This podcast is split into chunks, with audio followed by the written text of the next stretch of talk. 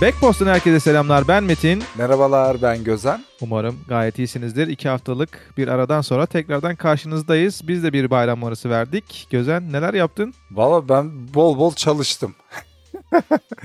Kolay gelsin. bir demir olarak hayal ettim. Paslanmayaraktan izlediğim yol o oldu yani. Sadece çalıştım. Neydi atasözümüz? Paslanma ne? Işıldayan demir paslanmaz mı? Nasıldı? Evet. Tam İşleyen olarak demir. oydu. İşleyen, demir. İşleyen demir paslanmaz. Tamam. Ben de hatırlamamışım. Bu arada iki hafta dedim de aslında bir hafta ara vermiş olduk. Geçen hafta bayram tatili dolayısıyla. Umarım güzel bir hafta geçirmişsindir. En son hatırlıyorsun Elon Musk Twitter'ı satın almak üzereydi. Karar, Evet. alış- karar verilmişti. Yani teklifi kabul edilmişti. Lakin bu geçtiğimiz hafta attığı bir tweetle teklifini Twitter'ın satın alma sürecini durdurulduğunu söyledi kendisi. İlginç olaylar oldu orada. ya bu Elon Musk çok pis bir adam. Bir de Johnny Depp davası vardı görmüşsündür. Orada bol bol adı geçti mesela. Pis Takip konular. etmedim ama yani haberim var. İsmi niye geçti onu da anlamadım açıkçası şu anda sen söyleyince. Kardeşim bu herif sapık ya. Nasılsa bu podcast'i duymayacağı için rahat rahat konuşabilirim ya. Bu herif sapık. Bu adamın hep evli kadınlarla adı çıkıyor. John Depp'in eşiyle alakalı da mesela adı çıkmış. Orada bazı olaylara karışmışlar birlikte. Hadi ya. Tabii tabii şimdi bir de böyle e, nasıl diyeyim sana kendi parasını kullandığı alanlarla ilgili sektörel de adı duyuluyor. İşte SpaceX'lerde bilmem nelerde falan. Bak SpaceX'te bile bir kelime oyunu var anladın mı? Yani dil dönmezse SpaceX olabiliyor yani. Hani Burada bile subliminali koymuş. Bu adam çok tehlikeli bir adam. O yüzden Twitter'ı yine bir gündem yaratmak için askıya aldığını düşünüyorum. Hiç güvenmiyorum. Yani ilginç ilginç şeyler olduğu aşikar. İsminin böyle farklı noktalarda geçmesi tabii onun için iyi mi kötü mü bilmiyorum ama bir söz vardır bilirsin reklamın iyisi kötüsü olmaz diye. Bir şekilde ismini e, bir yerlerde oluşturuyor bu adam. Onunla beraber bu geçtiğimiz haftanın önemli gündemlerinde kriptolar vardı. Ara ara değindiğimiz. Bayağı bir düştüler. Yani insanlar ağlıyor gibi. Valla bizim karşı tarafta emlakçı var. Emlakçının bir arkadaşı 150 bin dolar göndermiş. Dedim hayırlısı olsun. En son 150 bin dolar. TL de son- değil. Tabii tabii Türk bir de. En son depresyondaydı. Dedim hayırlısı olsun. Yani ben bu noktalarda bazen internette ek sözlükte falan okuyorum. Uzanamadığı ciğere mundar diyor insanlar. İşte atıyorum kripto salaklıktır demiş diye düşünüyor. Hiç kriptoya bulaşmamış. Kripto piyasasını da yakından takip ediyor ama ne oluyor ne diyor. E, herkes artık alıyor abi. Yani bizim çaycının bile kriptosu var öyle söyleyeyim. Bak bu şaka değil ha. Bizim mahalledeki çaycı kripto piyasasında. O bile girmiş. Bu tarz adamlar diyor ki ulan ben salaklık mı ettim acaba bilmem ne. Sürekli böyle vicdan vicdan. Kriptolar dibi bir görüyor. Bu adamlar yer altından çıkıyor hemen. Oo size iyi de oldu. Oo biz demiştik falan diye böyle adamlar türüyor. Ya ben hiç öyle bir yerde değilim. Ben de hiç girmedim. Ben az da uzak durmaya çalışıyorum. Bu tarz şeyler ilgimi de çekmiyor da bu hafta harbiden çok enteresan şeyler oldu. Hatta o Luna falan iflası duyuruldu gibi gibi şeyler oldu. Sonra geri çekildi. Ülkeler iş adamları bağış yapmaya falan kalktı. Tekrar bir ayaklandı. Ya böyle enteresan abi bilmiyorum. Bu hafta harbiden bu anlamda hareketli bir haftaydı. Öyle öyle kesinlikle öyle. Yani app'lerin biliyorsun uygulamaların bir de telefon uygulamaların artık daha kolay bir şekilde hayatımızda olduğu için teknolojiyle beraber kripto piyasalarına ulaşım da çok rahat. Yani çok bir şey de yok. Yasal bir durum da ortada yok. Yasa noktasında bir sıkıntı yok. O yüzden rahat olduğu için muhtemelen işte o dediğin çaycı abinin de olsa işte perdeci esnafın da rahatlıkla ulaşabildiği ortam. Kolaylıklar diliyorum ya açıkçası. Yani Sen bizim mahalleyi nereden biliyorsun? Harbiden perdeci de var ha. Normaldir esnaf yani esnaf insanın olduğu yerler benim de sonuçta büyüdüğüm mahallede aynı esnaflar vardır işte perdecisi, ayakkabıcısı, O da vardı çaycısı, abi. kıraathanesi. Yani az sonuçta ben de oralarda vakit geçirmedim yani arkadaşlarımla beraber. Patak da oynadık, okey de oynadık. Normal yani. Yani ne bileyim Bilelim ben o kadarını. Perdeci çok az görmüşümdür ondan şaşırdım. Vardı ya bizim orada da. Diye- diyelim ondan sonra genel olarak bu haftaki konularımıza geçelim o zaman. Haydi geçelim. Geçtiğimiz haftanın güzel etkinliklerinden biri Google'un I.O. etkinliğiydi. I.O. diyebiliriz Türkçe ama I.O. diyelim biz ona. Geçtiğimiz hafta Google etkinliğinde pek çok etkileyici yeniliğe ev sahipliği yaptı. Android 12'den yeni akıllı saatine, görüntülü 3D aramalardan, Samsung ve Google'un ortaklığından Shopping Graph'e kadar birçok dikkatli dikkat çekici yenilik vardı. Ama bu yeniliklerin yanında mesela benim dikkatimi çeken ve gerçekten gelecek noktasında böyle ışık saçan birkaç uygulama ve tanıtım vardı. Bunlardan biri görüntülü aramalarda 3D özelliğinin getirilmesi. Yani gelecekte bunun olma potansiyeli çok yüksek. Lambda isimli bir yapay zeka, yapay zeka algoritması ve Google'un yeni gözlük tanıtımı oldu. Bu Google gözlük tanıtımı mesela yine dikkat çekiciydi. Anlık karşıdaki yabancı dilde konuşan kişinin o dili, o gözlüğü kullanan kişi çevirisini anlık bir şekilde görebilmesi mesela çok dikkat çekiciydi. Yani şey getiriyorlar bu gözlük sayesinde. En basit haliyle bize gerçek hayatta alt yazı desteği sunarak bu üzerindeki mikrofonlarla beraber konuşulan dili anlayacak ve çevirisini sağlayarak bir şekilde getirecekler bunu ya. Dil bariyerini diyebilirim yani.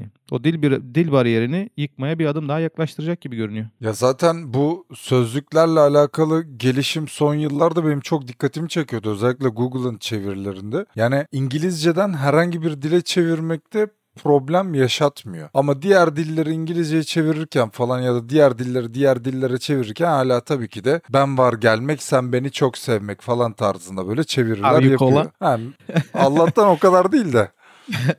Yani bu gözlükler ya da bu tarz teknolojiler geleceğin öngörülen cihazları diyeyim. Ama Evet. tabii ki de bu tek başına değerlendirildiği zaman hmm, bilemiyorum. Yani çok iş yapar mı yapmaz mı? Çünkü bugün Siri'ler onlar bunlar Alexa'lar falan hayatımızda zaten e, birçoğumuzun özellikle görme engelli vatandaşlarımızın falan çok sıkça kullandığı ya da yaşların çok sıkça kullandığı ve onların işlerini gerçekten kolaylaştıran yazılımlar. E şimdi tek başına gözlük çeviri yapar yapmaz tabii ki de bunlar büyüleyici, güzel, öncü olması bir de Google'ın bu noktada. Bunlar dikkat çekici evet ama e, bilemiyorum. Ya ben, ben açıkçası o kadar da yükselmedim bu gözlük için. Diyorsun. Yani diyorum. Yani Google daha önce de bir gözlük yapmıştı biliyorsun. 2015'te sonlandırmıştı. Öyle bu söyledin ki diyorsun- vurduracakmışsın gibi hissettim beni. Yani diyorsun Yok, son aralar- kararın mı? Google daha önce de bir gözlük yapmıştı hatırlarsan. 2015'te de bunu sonlandırdılar. Şimdi yeni bir üzerinde bir gözlük çalışması var. Fakat böyle bir daha böyle dil bariyerini az önce değindiğim gibi dil bariyerini de hani biraz daha yıkmaya bir adım daha yaklaştıracak gibi görünüyor ama tabii ne kadar kullanışlı olur onu bilemeyiz. Yani o onu zaman gösterecek. Bununla beraber diğer dikkat çekecen dikkat çeken projelerden biri ismini de Project Line olarak adlandırmışlar. Yeni bir sistem video görüşmelerini üçüncü boyuta taşıyacak gibi görünüyor. Özellikle video konferanslarında ya da görüntülü aramalarda karşımızdaki karşımıza gerçekten biri varmış gibi hissetmemizi sağlayabilir. Bu Star Wars'u izlemişsindir. Evet hologram. Orada hatırlar hologram vardı ya. Onun gibi bir şeye götürecekler anladığım kadarıyla bakınca özelliklerine. Güzel bir şey. Yani karşında sanki biri varmış gibi konuşabilmek. Yıllar önce 4 ya da 5 senesi olabilir. Şirin evlerde o yürüyüş yoluna açılan tezgahlardaki oyuncakçı vari bir abi baya böyle Çin'den gelmiş belli. Hologramlar satıyordu. İşte belli görsellerini atıyorum Atatürk var bilmem işte Fatih Sultan Mehmet var ya böyle kültürel isim yapmış abiler var ya da sanatçılar falan. Böyle bir küpün etrafı küp şey yapıyorsun mıknatıs sistemi var orada bile o basit adam yani o basit yerde bile öyle bir hologramvari bir şey vardı yani. Şimdi bu gelecek içerisinde saatlerden de yansıtacağız ne bileyim ben klavyelerden falan her yerimiz hologram olacak her yerimiz yansıma olacak. E tabii ki de bunlar şimdi ilk bir gelsin bakalım nasıl oluyor ne bitiyor son kullanıcı nezdinde neler oluyor bazı şeyler biliyorsun kağıt üzerinde çok böyle wow dedirtiyor ama geldiğinde "Hmm, bu muymuş oluyoruz. O yüzden e, heyecan verici mi açıkçası bilmiyorum. Ben hala görüntülü konuşmaya bile alışamadım ya. Herkes bütün dayılar teyzeler görüntülü arıyor abi. Ne var bu işin içerisinde? Bir de yani düşünsen abi evinde don atlet oturuyor dayın. Kanepeye uzamış onu 3D evine yansıtmak ister misin yani böyle? Ya tam Bilmiyorum. olarak öyle olmasını istemezsin ama evde rahat olurken muhtemelen ve konferans noktasında özellikle diyelim hani iş iş görüşmelerinde bir adım öne çıkabilir. Hayırlısı Evde abi. Google biz- Anne babayla uzaktaysan hani aile fertleriyle görüşürken bir adım öne çıkabilir ve iş konuşmalarında ama genel olarak günlük hayatta sürekli kullanılır mı? O biraz soru işareti tabii. Bu geçen işte haber sitelerine gezerken şeyi gördüm mesela. Bir tane şirket, şirketin adını hatırlamıyorum. Hologram yansıtıyorlar bu görüntülü aramalardan. İnsanlar birbirine sarıldığı zaman hisleri birbirine geçireceği, geçirmesi üzerine çalışılıyordu. Mesela bu, bu tarz çalışmalar da var. Yani atıyorum hologram bugün geldi o 3D işte gerçek yansıtma olayı geldi. Onunla bitmeyecek ki abi. Hisler sokulmaya çalışılacak bilmem görsel kaliteler arttırılacak onlar olacak sanki biz ortamın içerisindeymişiz gibi şeyler olacak ortamın sıcaklığını hissedeceğiz oralara gelecek ama Allah'tan biz ölmüş olacağız O yüzden mutluyum. Belki de hala yaşıyor olabiliriz. Kim bilir? Evet. Who knows efendim? Who knows? Who knows? Yeah.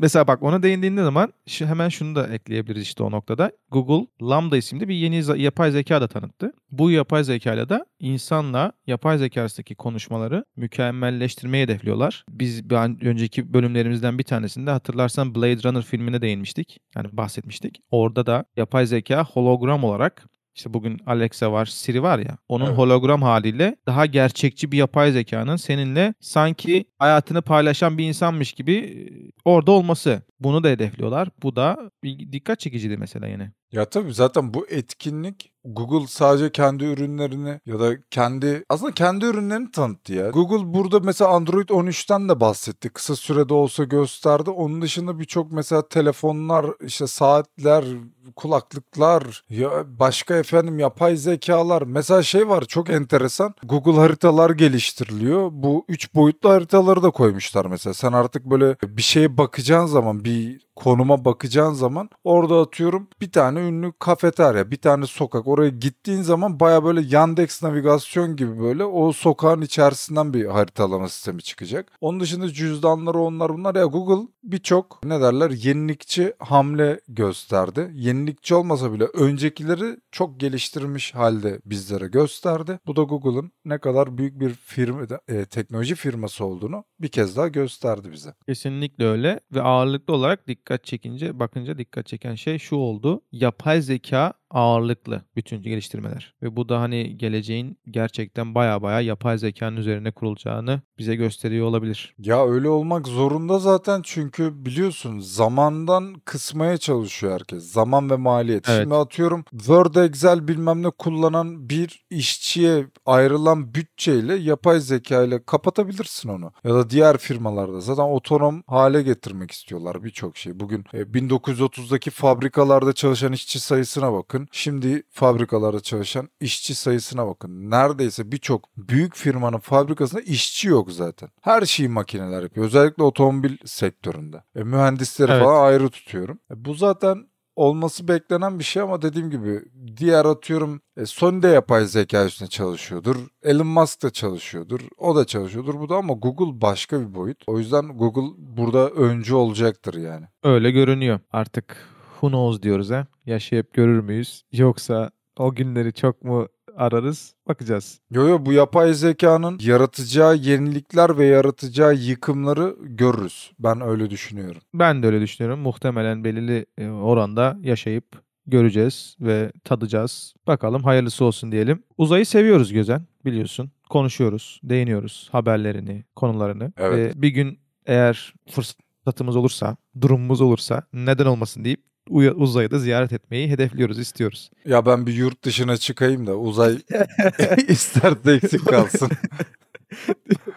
İnşallah o da olur diyorum ne diyeyim yani. Fakat bundan birkaç yıl önce uzayın derinliklerinde başka bir galakside bir kara delik fotoğrafı çekilmişti. İlk kezdi. Fakat bu sefer Samanyolu galaksisinde yani dünyamızın bulunduğu galaksinin içerisinde bir kara deliğin fotoğrafı çekildi. Bu kara deliğe de Sagittarius A adı verilmiş ismine isim olarak. Güneşin neredeyse 4 milyon katı kütleye sahip. Yani fotoğrafı var. Çok ilginç ya. Gerçi bir önceki kara delik fotoğrafına da çok benziyor. Fotoğrafta mesela kara deliğin bilgileri de paylaşılıyor mesela. Fotoğrafta kara deliğin içinde bulunduğu karanlık bir bölgeyi, onun etrafında da bulunan yer çekimi gücüyle hareketlenmiş yüksek ısılı gazları, işte bu gazların yaydığı halka şeklinde ışığı görebiliyoruz. Çok daha böyle işte daha önceki bölümlerde James Webb teleskobundan bahsettik, değindik. Hubble teleskobu zaten yıllardır uzayda. Her geçen gün daha böyle bir uzayda ilerliyor gibiyiz. Abi bu şimdi kara delikler Mesela Celal Şöngör Interstellar'da gösterilen o kara deliğin içine giriş sahnesini falan filan çok böyle yerden yere vurmuştur. Hakkında hala çok fazla şey bilmiyoruz kara deliklerin. Ama ben mesela şeyden çok etkileniyorum ya. Mesela Albert Einstein'ın genel görelilik kuramıyla tahmin edilen şeyleri doğrular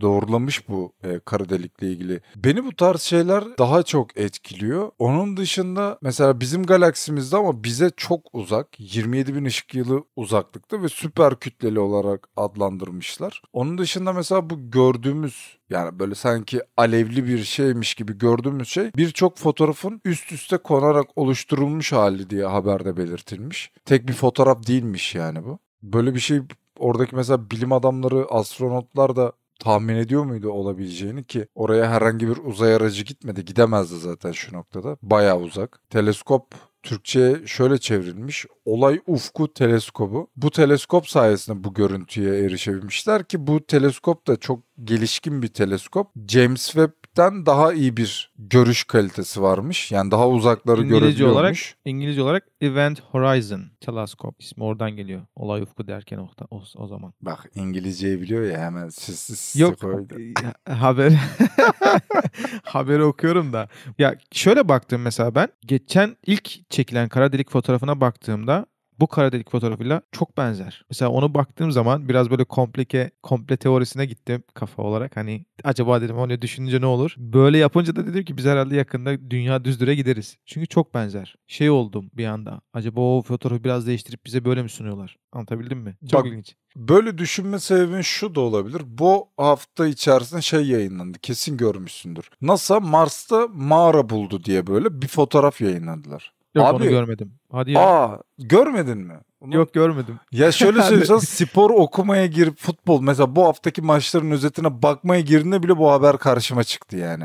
Hadi ya. Öyle her yerdeydi. Lan dedim neymiş bu? Bir tıkladım baktım. Ya arkadaş Photoshop gibi duruyor da şimdi şey de diyemiyorsun işte gidip görmüyorsun ki direkt yalan bu kardeşim falan da diyemiyorsun ama ya evet bazı şeyleri çok eğip büküyorlar gibi bana da geliyor yani. Hani bu olayla bu, kara delikle alakalı bunu söylemiyorum tabii ki de ama e, genel anlamda ya çünkü bak şöyle de bir şey var birazdan değineceğimiz haberde. Bugün uzay teknolojisi olsun uzay hakkındaki bilinmezlikleri keşfetme olsun çok ticari bir şeye dönüştü. İlk amaçlar bu değildi mesela ilk çıkış noktası ama sonrasında müthiş bir ticari yarışa döndü. Yani bugün artık bilim şöyle çalışıyor. Yeni bir şey bulalım ve bundan zengin olalım. Yani o yüzden de hep söylüyorum böyle whoop diye atlamamak lazım bazı şeylere. Hayırlısı abi ne yapalım şimdi kara delik. Evet, evet tamam yakında çıkar bizi yiyecekmiş bu. Ama 58 milyar yıl sonra falan diye altına parantezle.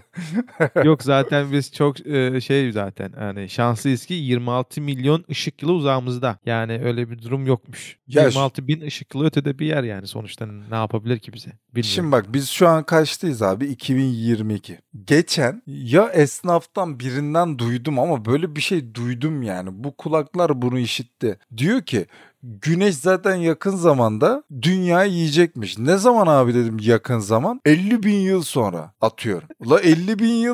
Da sen kimsin? Yani Ortalama ömrü 80 sene 50 bin yılı nasıl küçümsüyorsun ya?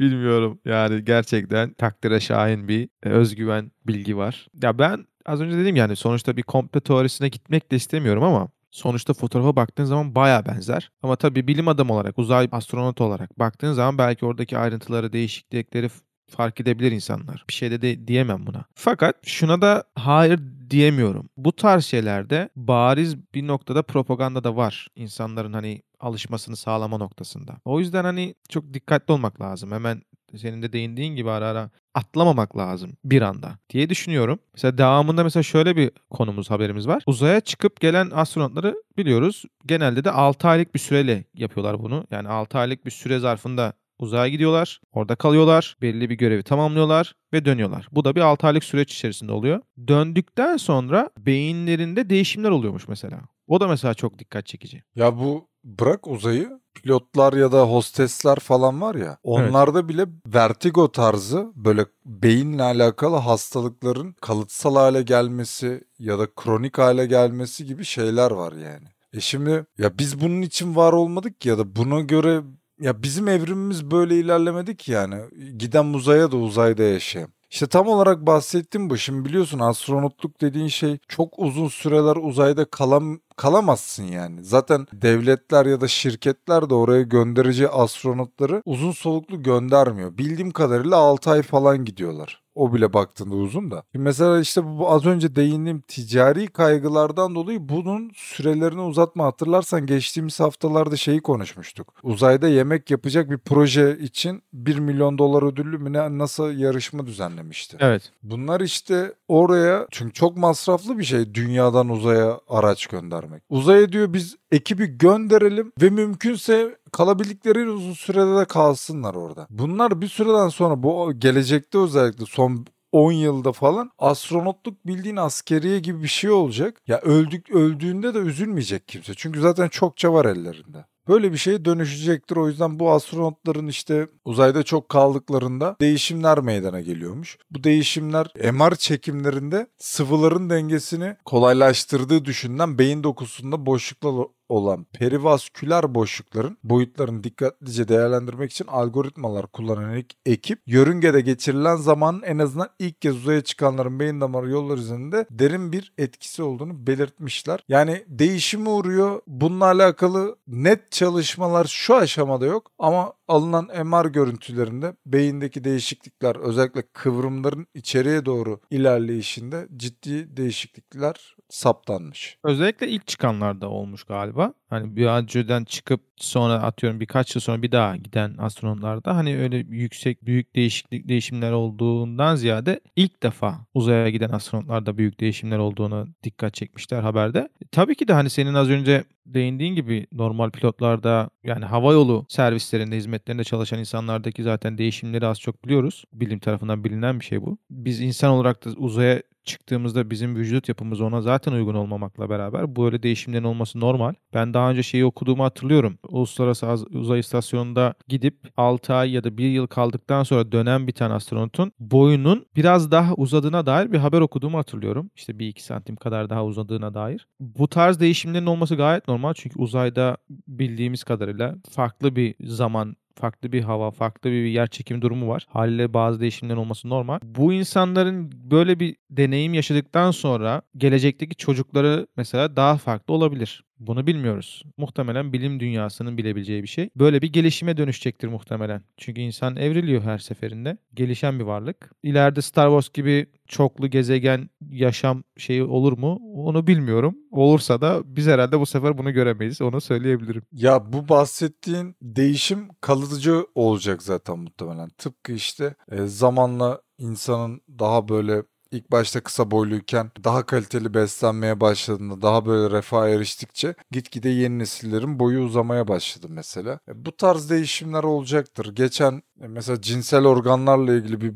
makale okudum. Onların evrimsel süreciyle ilgili teoriler mesela çok ilginçti. Bu kanıtlanmış bir şey değil zaten. E, bu tarz şeyler, değişimler zaten yıllardır gözlemlenen şeyler. E, muhtemelen atıyorum bu değişime uğramış abiler e, astronot memur gibi düşün abi. Kimle evlenecek yani? Gidip astronot bir hanımla abi evlendiğinde çocukları olursa muhtemelen o değişim kalıcı olarak o çocuğa geçecek. Eğer gerekliyse. E, bu gibi durumlar olası. Biz Kesinlikle öyle. Kesinlikle öyle. Yani bu astronotlar bu arada Türk olsaydı EYT tartışılırdı erken emeklilik. Yaşa takılanlar.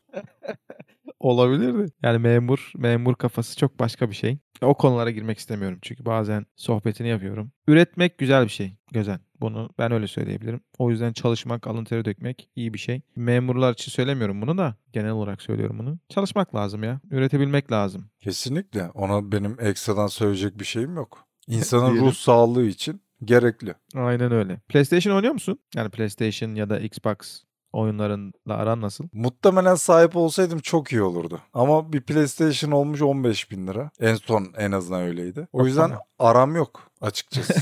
Erişemiyoruz. Ben mesela zamanında PlayStation kafelere giderdim arkadaşlarla. Hatta seninle beraber gittiğimizde hatırlıyorum. Evet ben de giderdim. Yani FIFA serisi ya da zaman ilk başladığımda hatta ilk böyle gitmeye daha çocuk yaşlarda giderken o zamanlar PES vardı. PES derken PlayStation'ı söylemiyoruz. Direkt oyun PES olarak diyorduk işte. Onu oynardık daha çok. Sonra FIFA tabii daha ön plana çıktı ve oyun olarak daha öndeydi. 93 yılından bu yana FIFA'nın ismi FIFA olarak biliniyordu. Yani FIFA oyununu 93 yılından beri o isimle biliyoruz. Fakat FIFA'yı biliyoruz ki bir de e, uluslararası organizasyonları düzenleyen or organizasyonun adı. Bu oyununla olan EA Sports'la olan anlaşmaları 2023 yılında bitiyor ve yeni anlaşma yapmaya yanaşmadılar ya da yanaşamadılar. Haliyle FIFA'nın ismi değişecek ve yeni ismi de açıklandı.